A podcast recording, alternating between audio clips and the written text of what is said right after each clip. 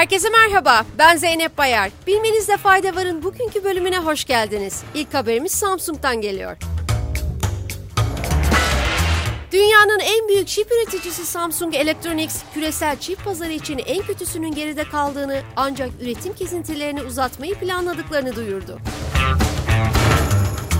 Şirket tarafından yapılan açıklamada sektördeki üretim kesintilerinin ikinci yarıda da devam etmesinin muhtemel olduğu fakat talebin kademeli olarak toparlanmasının beklendiği belirtildi. Sırada otomotiv sektöründen bir yatırım haberimiz var. Dünyanın en büyük otomotiv üreticilerinden Volkswagen, Çinli elektrikli araç üreticisi Xpeng'e 700 milyon dolarlık yatırım yapmayı planladığını açıkladı. Anlaşma kapsamında Xpeng'in Çin pazarı için Volkswagen markası adı altında elektrikli araç üreteceği belirtildi. Öte yandan yeni elektrikli araçların üretimine 2026 yılında başlanmasının beklendiği kaydedildi. Yapay zeka alanından bir haberle devam ediyoruz.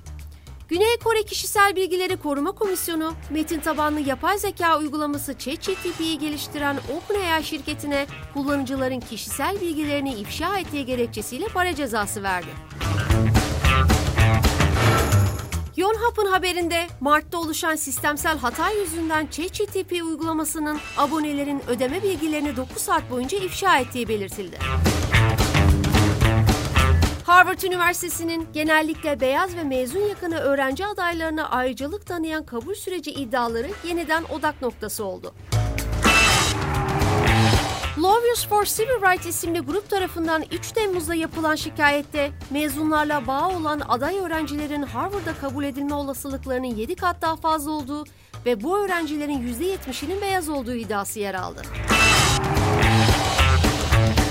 Şikayetin ardından ABD Eğitim Bakanlığı, Harvard'ın lisans programlarına kabul sürecinde bağışçı ve mezun bağı olanlara ırk temelinde ayrımcılık yaptığı iddialarını soruşturduğunu bildirdi. Son haberimiz UFO iddialarına ilişkin.